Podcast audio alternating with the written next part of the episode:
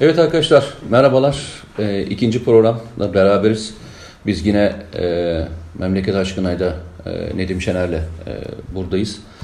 E, ilk programda e, biraz genel e, bir giriş yaptık. E, bugün daha spesifik bir konuyla e, devam etmek istiyoruz. E, o da güvenli bölge, Fırat'ın doğusu ve e, Türk-Amerikan ilişkileri ve e, Orta Doğu'da yaşananları beraber konuşacağız.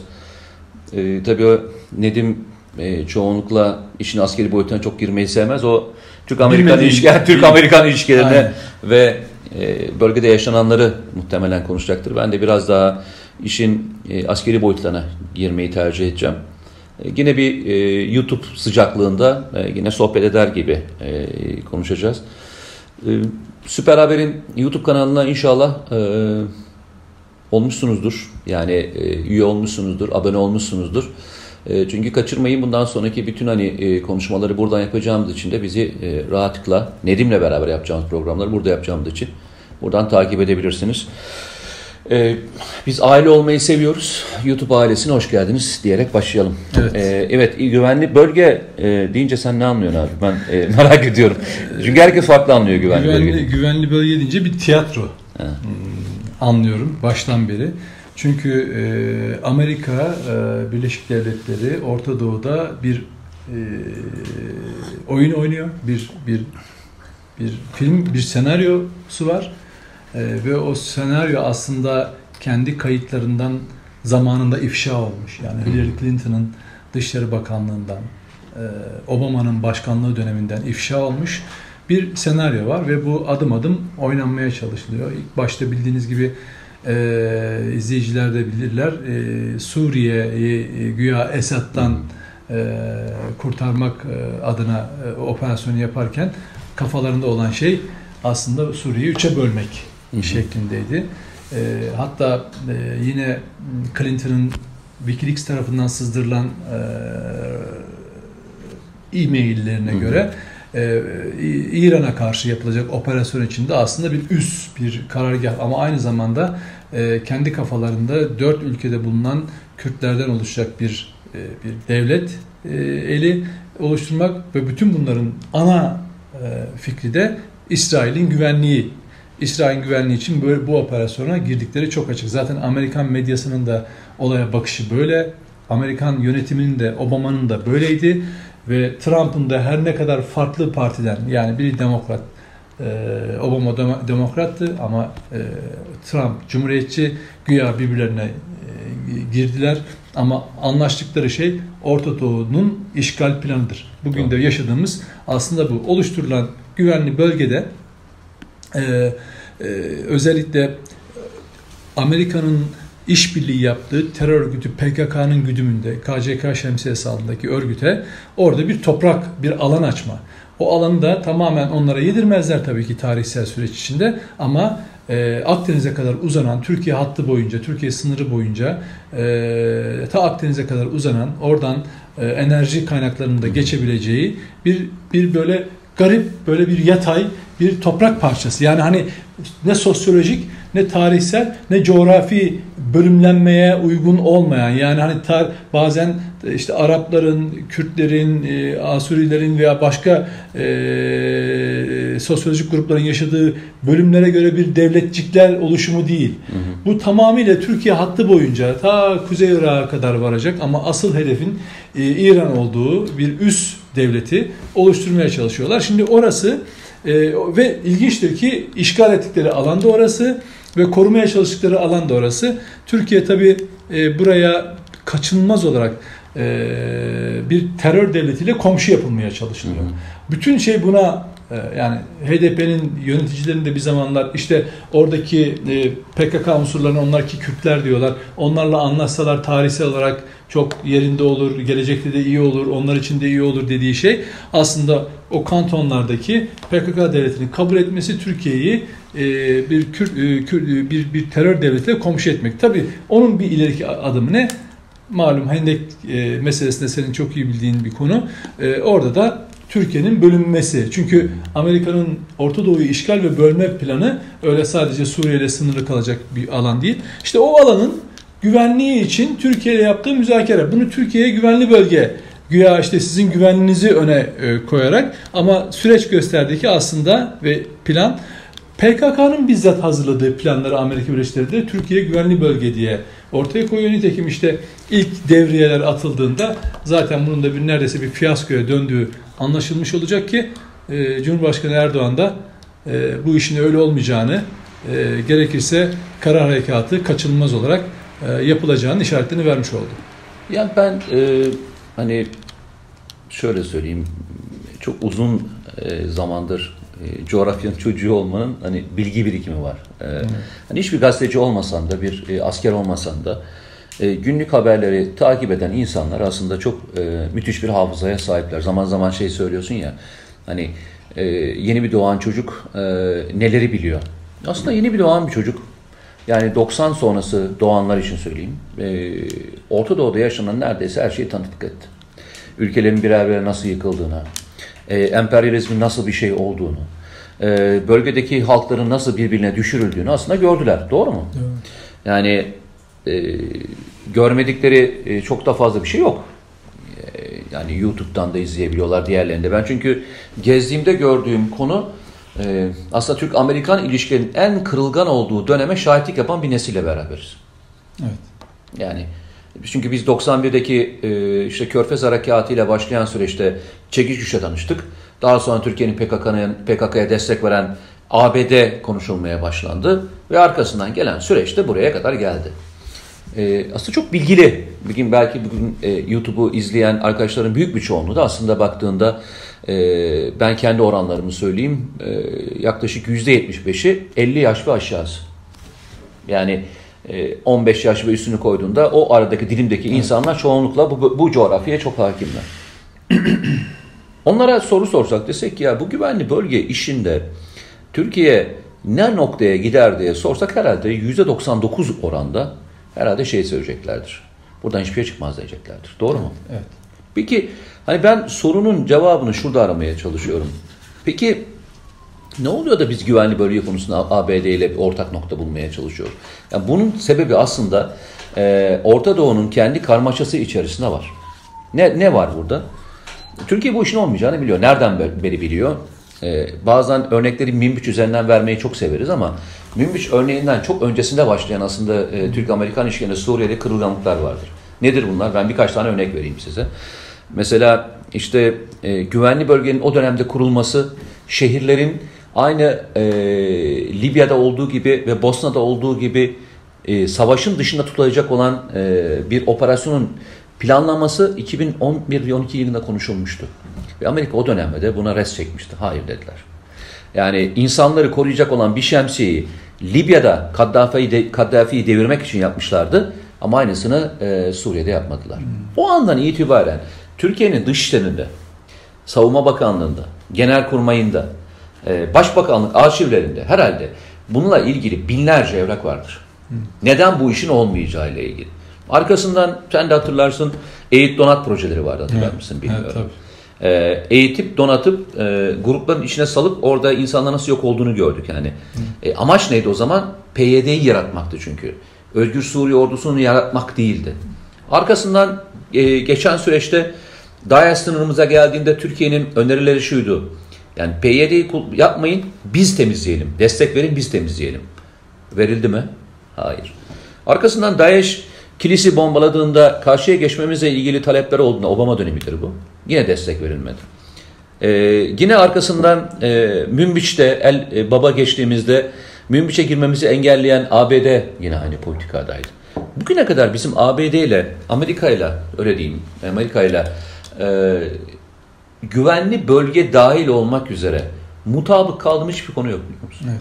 Yani örnek olabilecek istisnai bir durum yok. Evet. Şimdi bu kadar istisnai durum e, yani ben olayı PYD üzerine okumuyorum. Ben e, Amerika'nın İsrail şey İsrail diyorum Suriye politikası üzerine evet. okuyorum. Evet. Suriye politikası ile bizim Türkiye'nin politikası bir değil. Evet. O zaman bir değilse neden güvenli bölge konusunda e, Türkiye ısrarla durmaya çalışıyor? İki tane sebebi var. Birincisi masadan kalkmak istemiyor. Yani e, önümüzdeki dönemde yaşanacak süreçler içerisinde e, Türkiye elini zayıflatacak olan hamleler yapmak istemiyor. Çünkü sonuçta ne olursa olsun bu sorunlar uluslararası mecraya taşınacak. ABD ile e, kötü bir noktaya gelip e, ileriki noktalarda Suriye'nin genel yapısı içerisinde kendi tezlerini savunacağı, savunamayacağı bir noktada olmak istemiyor. Bu birincisi. İkincisi ekonomi. Yani kim ne dersin desin, e, Türkiye'nin e, bir ekonomisinin şu anda kırılgan olduğunu söylemeyecek herhalde başka kimse yoktur. Yani Türkiye'nin onlarca sorunu varken e, PYD e, sorununun bütün sorunları tetiklenmesini istemiyor. Ve bunu da e, zamana yayarak e, bir şekilde çözmeye çalışıyor. Peki bu doğru bir taktik mi? Yani PYD e, taktiğini zamana yayarak çözme taktiği doğru bir taktik mi? Bir de üçüncü, Zaman zaman gösterecek bunu. üçün- üçüncü bir unsur da e, Türkiye'nin bu konuda e, işbirliği yaptığı, Suriye konusunda işbirliği yaptığı Rusya ve İran'a karşı içten duyduğu güvensizlik de galiba. Süreçlerin E, yani tek tarafa dayanmamak. Evet, dayanmamak. Yani tek Yani- tarafa dayanmamak. dayanmamak ama aynı zamanda oradan da her an bir e, kendini korumaya yönelik bir refleks galiba Amerika ile o e, masadan kalkmamayı e, Tabii tabii yani çünkü galiba. e, ABD ile e, büyük anlama ters düştüğünde Rusya'nın da tavırlarının değişeceğini çok iyi biliyor Türkiye. Evet. Çünkü bugün Rusya ABD ile ters düştüğümüz konularda biz destekler gibi gözükse de tam ters düştüğümüzde bak politikası çok değişecektir. Hmm. Çünkü uluslararası anlamda emperyalist ülkelerin tavırları böyledir. Yani senin sıkıştığını hissettiğinde benden çok daha fazlasıyla Yani şey, yani e, Rusya'nın kapacaktır. Yani Rusya'nın e, işte biz terör örgütünün uzantısına e, orada e, mücadele ediyoruz ama Rusya'da ofisleri var. Değil mi? Mesela bu bile Türkiye için bir soru işareti. Yani ya onlarca kime ne kadar güveneceği Onlarca sorun var. endişesi var. Onlarca endişemiz var ama buradaki belki hani e, şeyi söyle tartışalım. Ben öyle tartışıyorum en azından. Önümüzdeki dönemde e, PYD sorunu e, bizim kontrol edebileceğimiz bir noktanın ötesine geçer mi geçmez mi sorusuyla beraber gidelim. Veya e, ABD neden zaman kazanmaya sorusuyla ilgili soralım. Ama ABD neden zaman kazanmaya çalışıyor? Yani bunu bir sene sonraya uzatarak yani Türkiye'yi güvenli bölgede bir senelik bir zaman kazanması bir sene sonra ne olacak ki bu zamanı kazanmaya çalışıyor sorusunu sana sorayım. Kafanda ne var? Ben onun O- sorunun cevabını ben de askeri anlamda vereceğim. Nedir ben yani? Bir siyasi sene olarak olacak? verebilirim. Ee, siyasi değişmelere veya gelişmelere içsel olarak Yani Türkiye Türkiye'deki içinde siya- e, iktidarın değişmesi e, veya o bir yılı bir, bir yıl daha uzatıp bir sonraki seçime kadar götürmesi, e, muhtemel Türkiye'deki e, hükümet senaryoları içerisinde AKP'nin e, dolayısıyla Erdoğan'ın e, işte dışarıda kaldığı ama daha kontrol edebileceği bir iktidar yönetimi, iktidar biçiminin Bugün şeyin Türkiye'de- söylediği gibi, senin de yazdığın gibi neydi o? Neydi o adamın ismi? Ee, eski e, istasyon şefi Föller. Füller'in, Füller'in. Füller'in söylediği Ee, evet. Neymiş? Ee, Daha çok ılımlı sol- İslam'dan sonra neyi bulmuşlar şimdi kendilerine? Türkiye'de sol ge- sol gerekiyormuş. Türkiye'ye sol gerekiyor. Sol gerekiyor. Önce Yani- ılımlı İslam gerekiyor. Evet, önce ılımlı İslam FETÖ'cülerle yapmak istedikleri şeyi aslında şimdi bugün başka satın alabilecekleri kanatlarla yapmaya çalışıyorlar. Dolayısıyla e, askeri olarak sen verirsen ama siyasi olarak Amerika neyi beğeniyor? Zamana oynuyor ki siyasi e, fotoğrafın Değişeceğini değişmesini. Kendisini daha iyi dinleyen bir yönetimin iktidara gelmesini ki bunun işaretlerini de e, bazı kanatlardan alabiliyor. Mesela S-400'ler konusunda e, veya diğer e, işte Doğu Akdeniz konusunda e, bir takım siyasi liderlerin yaptığı açıklamalar aslında Amerikalılar açısından çok daha umut verici e, bir siyasi atmosferin olabileceği ihtimalini doğuruyor bana göre. Bir, o zaman şöyle gidelim istersen. Bir, bir soru daha sonra ben de aynı şekilde e, bu konudaki görüşümü söyleyeyim. E, 16 Mart e, tarihiydi, 2016 tarihiydi. E, Amerikan askerlerinin özellikle ailelerinin e, İncilik üssü dahil olmak üzere, Türkiye'deki NATO'da çalışanlar dahil olmak üzere, e, Büyükelçilikte ve konsul çalışanlar ailelerinin Türkiye'yi terk etmesiyle ilgili bir e, Evet. genelge çıkmıştı hatırlar Evet, mısın evet, bilmiyorum. evet. 16 Mart 2016 idi. Evet. Ve ben e, yaklaşık 13 gün sonra filandı galiba 26-27'siydi yanlış hatırlamıyorsam. E, Karar Gazetesi'nde o zaman bir köşe yazısında şunu yazmıştım. Demiştim ki neyi bekliyorsunuz Türkiye'de? Yani e, işte sorduğum 3 tane şey vardı. E, İncilik üssü gerçekten çok iyi korunan bir üs. Ve ailelerin dışarı çıkmasına gerek olmayan bir üs. Yani E, aileleri asker uçakla geliyor, asker uçakla gidiyorlar. İçeride okullar var, içeride bowling salonları var, hamburgerciler var, her şey var. Sağlık merkezleri var, spor salonları var. Yani burası küçük bir e, e, kasaba diyebiliriz İncirlik Üssü'nün. Hadi dedim ki e, dışarıdaki olanları anladım. Ne olabilir ki siz e, üssün içindeki ailelerin de e, acilen gönderilmesini bekliyorsunuz? Evet. 16 Mart tarihi. Üç tane madde yazdım. Bunun bir tanesi kimyasal saldırıydı. Yani tel örgüsünü tutmaz onu.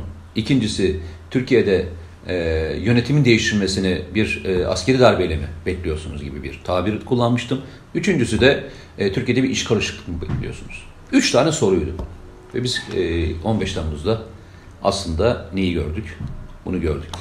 Ama ilginç olan başka bir şey daha var. Daha sonra e, davalar sonuçlandığında sen Genelkurmay ve diğer iddianameler okuduğunda Evet. ilk FETÖ'cülerin e, Türkiye'de e, bir darbe hazırlığı yapmakla ilgili konuşmaların geçtiği tarihi hatırlıyor musun? FETÖ'cü 2015. Yok yani e, toplantılara başladıkları tarihler hatırlıyor musun? 2016'nın 2016'nın e, bah- ba- e, e, bahar, bahar aylarında yani Mart, Nisan, Mayıs aynen. o civarda. Şubat'ta Bu- başlıyor. Tabii şöyle. Şubat'ta bu- başlıyor. Kamuoyunu da deşifre ettikleri tarihler aynı zamanda. İlk toplantı yani FETÖ'nün kripto yapısı Ankara'da toplantıları 2015 Aralık'ta başlıyor. Ama sonra Mart'ta özellikle şey başlıyor.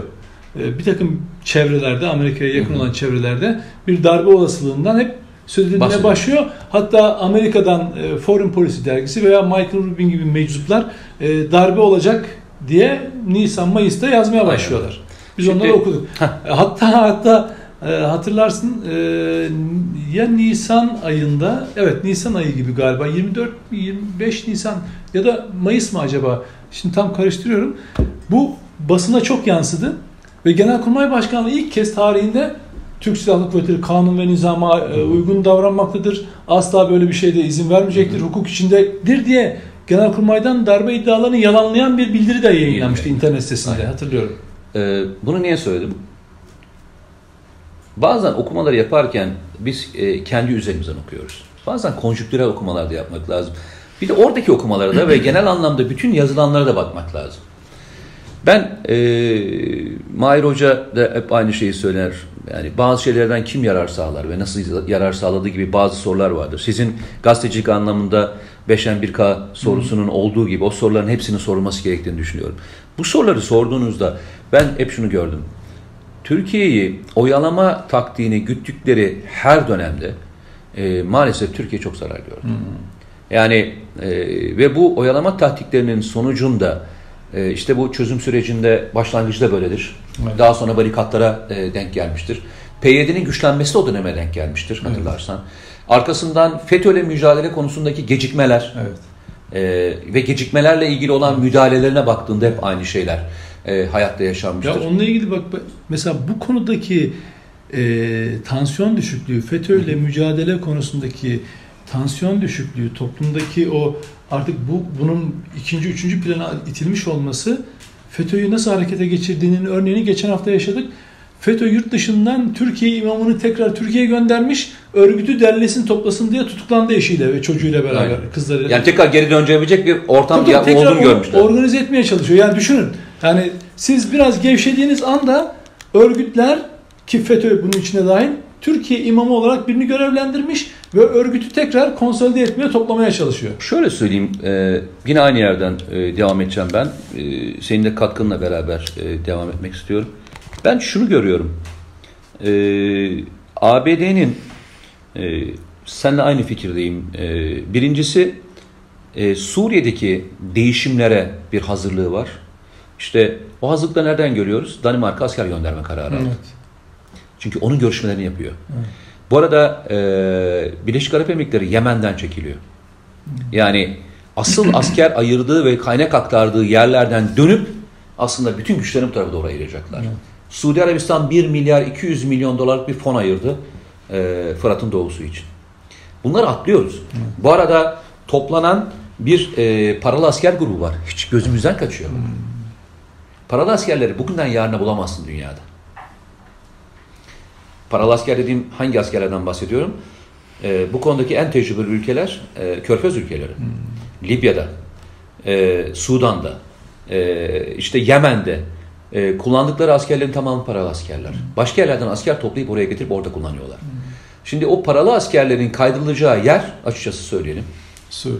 Suriye'nin yani Fırat'ın doğusundan bahsediyoruz. Özel askeri şirketlerden bahsediyoruz. Ve bu özel askeri şirketlerin e, yapılanması bugün itibariyle yaklaşık 5000 kişiye ulaşmış durumda. 5000 profesyonel askerden bahsediyoruz. Geçmişte başka coğrafyalarda e, bulunmuş askerlerden. Bir kısmı keskin nişancı, bir kısmı e, istihbarat uzmanı, bir kısmı e, bomba uzmanı, bir kısmı tarih uzmanı. Birçok konuda ee, özellikle gayri nizami savaş dediğimiz işte bu meskun mahalleler konusunda bulunmuş adamlardan bahsediyoruz. Bunlar şu anda dünya toplanıyor. Ben ilk bir kitap yani bir seri kitap yazmıştım. Ee, işte e, roman şeklinde yazmıştım. O romanların içinde bir tanesinde belgeleriyle koyduğum bir bölüm vardı. O da e, işi de gönderilen silahların e, nasıl Yugoslavya'dan toplanıp e, bunların e, uçaklarla ve Rus uçakları kullanılarak nasıl e, Suriye getirildiği ile ilgiliydi. E, bu hafta bir tane e, belge sonuldu biliyorsun. Bütün silahların Sırbistan'dan e, alındığını ve Sırbistan üzerinden gönderildiği ortaya çıktı. Evet. Şimdi yavaş yavaş dökülüyor her şey. Evet. Biz bir ay sonra, iki ay sonra ne göreceğiz biliyor musun? E, buraya gelen paralı askerlerin tabur tabur gelişlerini göreceğiz. Öyle ufak tefekten bahsetmiyorum. Tabur tabur gelişlerini göreceğiz. Böyle e, indirişlerini, helikopterlerle inişlerini, uçaklarla inişlerini evet. göreceğiz. O zamanı kazanıyorlar. Bu güvenli O zamanı kazanıyorlar ve o zaman kazanıldığında e, şu noktaya gelebilirler. Hayır biz e, Fırat'ın doğusuna geçmeni istemiyoruz dedim evet. noktaya gelebilir. O zaman bu iş e, çok daha farklı bir noktaya doğru gidebilir. Türkiye şunun kararını vermek zorunda. E, Türkiye'de zamana yayarak çözmeye çalışıyor. Eyvallah. E, bu bir seçim olabilir. Siyasi evet. anlamda bir seçim olabilir. Ama zamana yayarak seçimin e, nin karşısında e, ABD ve bu taktiği veren İsrail dahil olmak üzere taktik olarak, olarak ne yapıyor? Onların taktiğini atlıyoruz. ne yapıyorlar? İşte tek tek sayalım bugün istersen. Sen e, benim söylediklerimde eklemek istediğin bir şey var mı yoksa ekstra bir şeyler söyleyebilirsen? Yok yani söylediklerin son derece mantıklı ve hani o FETÖ 15 Temmuz darbe girişimine giden süreçte nasıl zaman kazandıysa burada hı hı. da PKK adına Amerika'nın yapması gereken kendi açısından mantıklı olan o. Ama önemli olan dediğim gibi burada Türkiye'nin o kararı vermesi gerekiyor artık. Yani Cumhurbaşkanı artık bir şeyleri görmüş olmalı. Her ne kadar belki devleti yönetenlerin tamamı aynı fikir değil. Bazıları hala diplomasi yolunun hı hı. E, diri tutulması gerektiğini düşünüyor olabilir. Yapılarıyla gereği, düşünceleri gereği. Ama bizi oyaladığı ve o bahsettiğin yığınak gerçekleştiğinde artık daha da zor olacak. Daha hı. da maliyetli olacak bir e, o e, belki karşıya içinde, belki karşıya geçmek e, askeri an, askeri anlamda da bir ben, e, riskleri de barındıracak. Ben hep e, bu tartışmada Mete şeye e, Fırat'ın doğusunu hı. konuşmaya e, çalışıyoruz hep. Hı hı. Çünkü orada büyük bir yapı var ve tehlike büyük. Ama daha küçük ve önemli olan ve daha önce de buradan askerlerimiz çıkacak denilen Fırat'ın batısı ne oldu? Yani Münbiş'ten bahsediyoruz. Münbiş'ten. Yani Fırat'ın batısını Türkiye e, atladığı sürece hı hı. doğusunda o geniş coğrafyada daha e, rahat operasyon yapamaz. Fırat'ın batısında hiç yani, e, nüfusu olmayan, olmayan bir yerde evet. tutunan Amerika evet. niye Fırat'ın doğusunu niye, versin Bizi, bizi Fırat'ın doğusuyla oyalıyor güvenli bölge. Peki biz Fırat'ın batısını ne zaman, ne zaman niye unuttuk ki? Yani bizim için çok kritik bir nokta değil miydi? Aynen öyle. Arada, hala öyle. Hala öyle. Niye ondan vazgeçtik de biz yani bizim yönetenler de Fırat'ın doğusu, Fırat'ın doğusu. Ya biz de diyor ki hani Fırat'ın batısı vardı, daha küçük Memiş'ten çık. Hatta Amerika'nın bu konuda sözü vardı. Mesela onu hiç tartışmıyoruz. Asıl bence kararlılığımızı göstereceğimiz yer önce Fırat'ın doğusu, ondan sonra şey batısı, ondan sonra doğusu da belirlenen noktalar olacaktır diye Valla e, ben de seninle aynı fikirdeyim e, ve e, Türkiye Fırat'ın e, doğusunda geciktikçe e, Fırat'ın batısında batısında da zor bir sürece doğru gidiyor. İdlib de bunun e, bir göstergesi. Çünkü adam şunu oynuyor. E, Fırat'ın doğusuna geçirmeyecek hamlelerin tamamını Fırat'ın batısında yapıyor sana. Evet. Seni oraya kanalize ediyor. E, bugün e, Fırat'ın doğusu için e, bizim de kendi kafamızdaki politika e, neyse bilemiyorum. E, devlet e, farklı düşünüyordur. Başka bir e, öngörüsü vardır. Ama şu bir gerçek, e, Fırat'ın doğusundaki hamle zamanı Geciktikçe Fırat'ın batısında biz e, e, şey mevzi kaybediyoruz. Ve belki bunlardan bir tanesi, istenenlerden bir tanesi de buydu. Yani e, Türkiye bunu yaparken Fırat'ın batısında Türkiye'nin e, zora gireceği bir süreci de e, bize yaşatmak istiyorlardı. Ve o noktadayız. E, şunu söyleyelim. Bir de şöyle bir tehlike var. Şimdi siz e, bütün sınır boyunu güvenli bölge diye e, belli bir mutabakata vardırdığınız zaman e, o, bir anlamda Amerika'nın oradaki o müdahaleci e, durumunu da kabullenmiş ve bir anlaşmaya bağlamış oluyorsunuz. Ve o eğer bu böyle devam ederse oraya müdahaleniz bir anlamda imkansız hale dahi gelebilir. Çünkü biz uluslararası anlaşmalar, Birleşmiş Milletler sözleşmeleri gereği ne yapıyoruz? Terör örgütüyle mücadele amacıyla oraya giriyoruz değil mi? E peki şimdi o hattı siz bir başka ülke sizin de kabul ettiğiniz bir anlaşmayla güvenli bölge haline getiriyorsa, güvenli kelimesini kullanarak bir bölgesel evet. hat kuruyorsa siz o zaman terör örgütüne karşı mücadele etmeyeceksiniz ki önce o güvenli bölgeyi yöneten uluslararası bir ülkeyle değil mi? Ülkeyle, Kabul aynen. edilen Amerika Birleşik Devletleri ile karşı aynen. karşıya gelmiş olacaksınız. O zaman Birleşmiş Milletler'in e, anlaşmaların hükümleri buna uygulanabilir mi? Ya da uygulanamaz mı? Uygulanmazsa nasıl biz kendi elimize bir tuzağa düşmüş oluruz? Yani şöyle Onu söyleyeyim. E, Birleşmiş Milletler'in birinci kurallarından bir tanesi e, savaşta toprak kaybedilmemesi kuralını zaten ilk çiğneyen hangisiydi? ABD'nin kendisiydi. İsrail'in işgal altında tutmuş olduğu Golan Tepelerini bir kararnameyle veren e, ABD herhalde bu saatten sonra da oturup da sana e, niye kardeşim bunu yapıyorsun deme e, şansına sahip değil. Buradaki sorun şu. E, biz hani Fırat'ın doğusu, Fırat'ın batısı hepsini konuşuyoruz ama genel e, tablo içerisinde e, Amerika'nın da PYD'yi çok umursadığını zannetmiyorum. Yani bölgedeki nasıl Kürt halkını hiç umursamadığı, Arapları umursamadığı, Türkleri umursamadığı gibi PYD'nin içindeki unsurları da umursamıyor. Yani bugün kullanacak, yarın da e, ortada bırakacaklardan bir tanesi. Hrant Dink'in Diyarbakır konuşmasını e, evet. dinlemiştim Çok zamanında hatırlarsın. Evet. Ve e, maalesef o konuşma yaptıktan çok kısa bir süre sonra 2006'da, öldürüldü. Nisan'da yaptığı bir konuşma. E, 2007 Ocak'ta da zaten e, hatta o konuşmayı yaptıktan sonra, o konuşmayı e, dinledikten sonra bir arkadaş ortamındaydık ve e, sohbet sırasında e, şunu söyledi arkadaşlar. E, bu konuşma e, belki canına mal olacak. Çünkü bugüne kadar ki e, belki e, Türkiye'de kanaat önderleri konusunda özellikle Ermeni e, olayları ve arkasından PKK üzerine birbirine eşleştirerek yapılan en doğru okumalardan bir tanesiydi. Ve bu okuma hiç işine yaramayacaklar demişti. Evet. Ve e, adres olarak gösterdiği e, ülke hangisiydi hatırlarsan emperyalist ülkelerdi. Tabii Amerika, Amerika'yı da tabii, özetle çünkü Kuzey Irak'taki Kürt oluşumuna karşı e, zamanda Ermeni'nin yaşadığı e, olayı anlatıyor. O zaman Fransızların nasıl e, gelip Ermenileri kullandığını ve sonra işi bitince çekip gittiğini Hı. anlattığı gibi Kuzey Irak'ta da e, Amerika gelir, işini görür, sonra da bizi burada e, baş başa bırakır, birbirimizi boğazlarız demişti Aynen. 2006 yılında. 2007'de Diyarbakır'da yapmıştı konuşmayı. Tabii 2007'de öldürülmüştü zaten. Hı hı. Ama bakın mesela burada yine hatırlatmak için yani yeri gelmişken söyleyeyim. Ben Hrant Dink cinayetiyle ilgili e, bu şeyleri yazdık. İşte bunun arkasından Fethullahçı terör örgütünün olduğunu anlatmıştık. E, sonra e, işte bugün yargılamalar yapılıyor. Bütün o günkü hani hep şöyle söylüyorlar. Katil devlet hesap verecek hı hı. diye slogan atıyorlardı. Ben de hep şunu yazıyorum. O gün devlet olanların tamamı orada yargılanıyor. FETÖ'cüler, savcısıyla, müfettişle, gazetecisiyle ne varsa ve diğer unsurlarıyla hepsi yargılanıyor. Peki siz neredesiniz şimdi?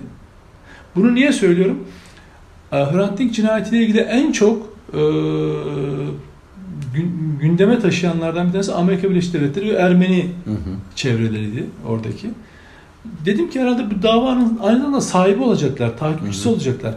Bu cinayet ne zaman Fethullahçı terör örgütü üyelerinin yargılandığı bir dava haline dönüştü? Çekildiler. Hepsi herkes çekildi. Yok oldular. Çünkü arkadaki örgüt onun kime bağlı olduğuna bakın şimdi.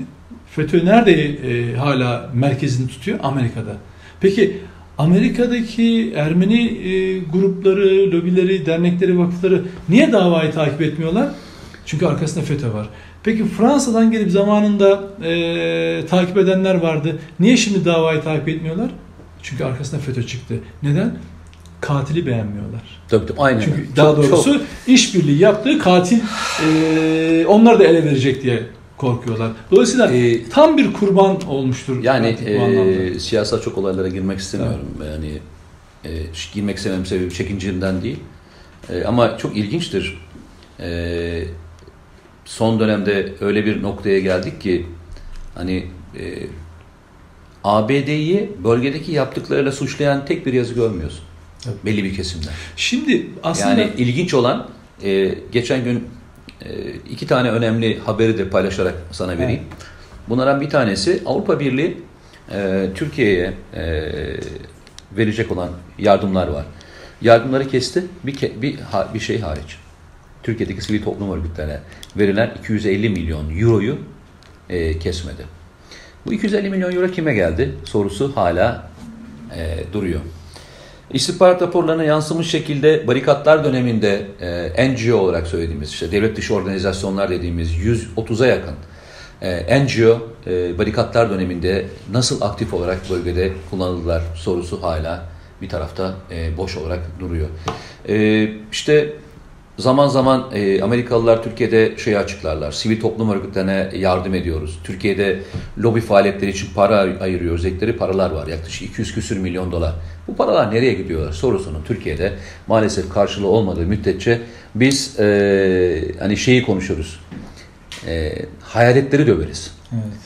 Yo, o hayal- Hayaletleri döveriz Aslında yani. şöyle, e, deminden e, konuşmana başlarken hani güvenli bölge Amerika'nın yapmak istedikleri konusunda %90 oranında işte güvenli bölgeye inanılmaması, Amerika'nın buradaki projesi falan. Mesele şu, e, mesele o bahsettiğimiz kuşaklar içinde emperyalizmin ne olduğunu okuyamaması insanların. Yani biz ben e, işte dediğim gibi 50 yaşını geçmişim. E, o zaman sol e, kaynakları okuduğunuz zaman emperyalizmi çok güzel anlatan e, insanlar vardı, eserler vardı ve bunun başında da Amerika Birleşik Devletleri'ni koyarlardı. Avrupa Hı hı hı. Birliği'nin bütün ülkelerini koyarlardı. E, başat ülkelerini koyarlardı. Ve onun üzerinden siz e, onların içinde olduğu ve onlarla il- iltisaklı olan herkesin neyi amaçladığını çok net görürdünüz. Yani hemen bir şablonunuz vardı ve gerçekti o. Bugün de geçerli. Mesele o şablon kayboldu. Yani bugün Amerika Birleşik Devletleri mesela e, işte hukukuyla, özgürlük anlayışıyla falan öven bir anlayış. Ya diyorsunuz ben de hep şunu yazıyorum. Ba- Bazen İran'a, Türkiye'ye işte terör örgütleriyle işbirliği veya işte bazı e, e, yaptırımları delen ülke konumuna koyma tartışmaları falan da var. İşte Türkiye işte yardım eden. Ya hiç ona gerek yok. Amerika Birleşik Devletleri dediğiniz hukuk ve işte özgürlükler dediğiniz ülke açıktan kabul ettiği PKK terör örgütünün Suriye kolda dahil olmak üzere ve bunu bile bile de kabul ettiklerini biliyor, Senato'da da bunu kabul ettiler. kabul ediyorlar. Bütçesinden para veriyor, silah veriyor. Şimdi oyun bu kadar açıkken Ve bu sene için ayırdığı başta. para da koyduğu para da 2 milyar dolar biliyorsun. Evet. Oyun bu kadar açıkken artık gri alanlarda demokrasi görünümünün arkasında ifade özgürlüğünün hukuk falan, uluslararası hukuk falan görünümünün arkasında biz hiçbir şey tartışamayız. Ben o yüzden bazen konuşmalarda şunu söylüyorum. Artık kardeşim gri alanda falan dolaşmak yok. Siyah ve beyaz aynı şehit aileleri gibi. Yani ülkenle ilgili bir endişen varsa net koyacaksın tavrını. Yani hukuksuzluğa karşı da net tavrın olacak ama uluslararası oyuna da karşı net olacak. Hukuksuzluğa orada da itiraz edeceksin. Oyuna gelmeyeceksin. Sana eee, işte insan hakları, demokrasi falan dediği zaman sana bunu söyleyen Avrupa'ya onu hatırlatacaksın. Kardeşim sen eee on binlerce, yüz binlerce e, terör örgütü üyesine her, her kanattan FETÖ'cüsü PKK'sı kanat görüyorsun. Amerika sen örgüt liderini orada tutuyorsun, yöneticileri orada tutuyorsun. Hangi hukuktan bahsediyorsun? Ben o yüzden çok açık yazıyorum. Belki o yüzden başım bile ağrıyacak ileride. E, Amerika Birleşik Devletleri terör örgütlerine yardım eden bir haydut devlettir. Bunu herkesin kafasına yazması gerekiyor. Kiminle karşı karşıya olduğumuzu bilmemiz açısından deminden bahsettiğin güvenli bölge yani Türkiye'nin işine yarayacak bir güvenli bölge anlamında bir uygulama eğer var ise ve biz bunu kabul ediyor isek ben şunu anlarım. Normal olarak Nedim Şener şunu anlar. Ha Amerika Orta Doğu planlarını değiştirdi. Projeyi değiştirdi. Ama böyle bir durum var Böyle mı? bir durum yok. Asla. Çekilme gibi bir niyeti var mı? Size çekiliyorum dediği anda onlarca yüzlerce tırla e, silah gönderip bahsettiğin gibi Belki e, eleman demin işte demin dedim ya e, Türkiye'nin de kendi bir planı vardır. Belki Türkiye'nin öncelikleri içerisinde çözmesi gerekenlerden bir tanesi Türkiye'deki sığınmacılar e, dediğimiz e, Suriyelilerin e, en azından bir miktarının ki Cumhurbaşkanı bunu sıklıkla söylüyor 1 milyonun geri döndürebileceği bir yer. Bu da bir, bir de bu da Evet. bir e, bizim acil çözmemiz gereken konulardan bir tanesi. Belki en azından hani her şeyi çözemiyorsak en azından çözebileceğimiz yerleri Evet. e, çözelim e, mantığıyla gidiliyor olabilir. Ama ben e, şunu net söyleyeyim. E, şimdi Fırat'ın doğusunda e, yukarıda terörist olan bir grup aşağıda nasıl legal olabilir? Tabii. Yani e, güvenli bölge yarattığımız yer nasıl bir yer olabilir? Ben onu anlamıyorum. Yani benim kafamda oturmayan şey o. Yani PKK ile diyelim ki oldu. PKK ile daha güneyde E zaten dikkat et, güvenli bölge kelimesini hiç kullanmıyor Amerikalılar. Amerikalılar daha çok olayı bir tampon bölge haline getirmeye çalışıyorlar. Evet. Yani Daha önceki- yani iki tane devlet varmış, iki devletin arasına girip e, onların arasındaki savaşı durdurmaya çalışan bir pozisyona yani işi aslında hukuki boyutta başka bir mecraya taşımaya çalıştığını lütfen ka- gözden kaçırmayalım. Benim hani Evet. itirazım o. Amerikalılar başından beri e, güvenli bölge lafını hiç kullanmıyorlar. Hiç tam kullanmıyorlar başka şeyler kullanıyorlar. Yani kendilerini bağlayacak e, bu bölgede bir terör örgütün çünkü eğer terör örgütü olarak görüyorsan aşağıdaki adama para şey silah göndermez. Adamı eğitmezsin. Yani düşünebiliyor musun? Genelkurmay Başkanı, Amerikan Genelkurmay Başkanı şu açıklamayı yaptı. Biz yarısını eğittik, daha yarısını daha eğitmeye devam edeceğiz. Evet. yani hop, oyun. hani hoppala yani Evet. e, biz teröristleri sınırımızdan uzaklaştırmaya çalışıyoruz. Adam diyor ki bize ya daha yarısını eğittik daha bir yarısı daha var. Ne kadar daha var? Bir 60 bin kişi daha edeceğiz diyor. Evet. Ve bunu konuşuyoruz yani rahatlıkla konuşabiliyoruz. Evet, ben açık söyleyeyim. Türkiye peyderpey, bölüm bölüm, safa safa e, güvenli bölgeyi kendi başına oluşturmadığı müddetçe yapacağı hiçbir şey yok. Yani bunun en önemliden bir tanesi e, Süleyman Şah Türbesi'nin olduğu bölgeyi Kobani Tel Abyad dediğimiz bölgeden aşağı doğru kesip ilk bölgeden başlamalı. Bir yerden başlamalı yoksa bu işin e, sonu e, maalesef e, çekiş güçle ya- yaşanan e, süreçte birebir aynı noktaya doğru e, gidecek. Evet, bir de zamana oynuyor. E, siyasi gelişmeleri de Aynen. tetikleyecek şeyler yapmaya çalışıyor ki yaşadığımız güncel tartışmalara bakarsan yani çok güncel ba- basit olaylardan çok e, dip dalgası yaratmaya çabalayan bir e, Senin şey bana gönderdiğin, benim de yayınladığım e, bir e, belge vardı hatırlarsan. Mahkeme dosyasına girmiş olan e, bir e, genelkurmayda çıkan bir evrak. E, Türkiye'deki aslında siyasetin basında nasıl evet. e, Türkiye'deki siyasetin e, nasıl dizayn edildiğini Evet. gösteren Evet. aslında bir kez daha okumalarını tavsiye ederim. Süper Evet. Haber'de de yayınladık onu arkadaşlar.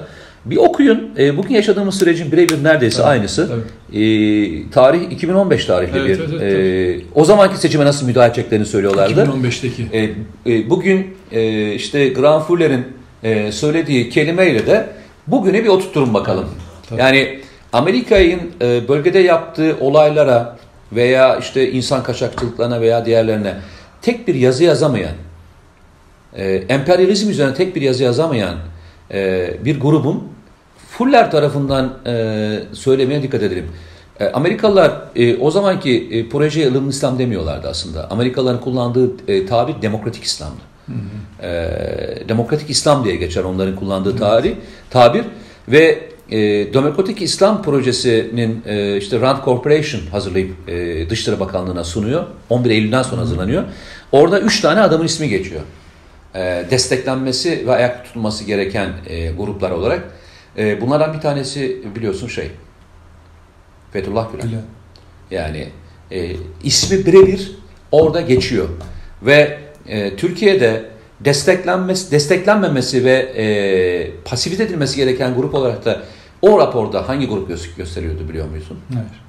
Atatürkçüler Ha Kemal Eser evet. ve Kemalistler. Kemal Eser. Yani e, desteklenmemesi, pasifize Zaten- edilmesi, Zaten o şey yani O raporu- raporun kendisi zaten Atatürkçü damarın nasıl kesileceğine ilişkin. aynen onun üzerinedir. Burada da mesela burada da e, yine Grenfuller yine onu e, şey yapıyor. Ona oynuyor. Yani Atatürkçülerin Kemalistlerin boyuna gelmeyeceğini ama sol görünümü altında marjinal grupların nasıl tetiklenebileceğini Orada desteklenmemesi oynuyor. gereken tek grup olarak Evet.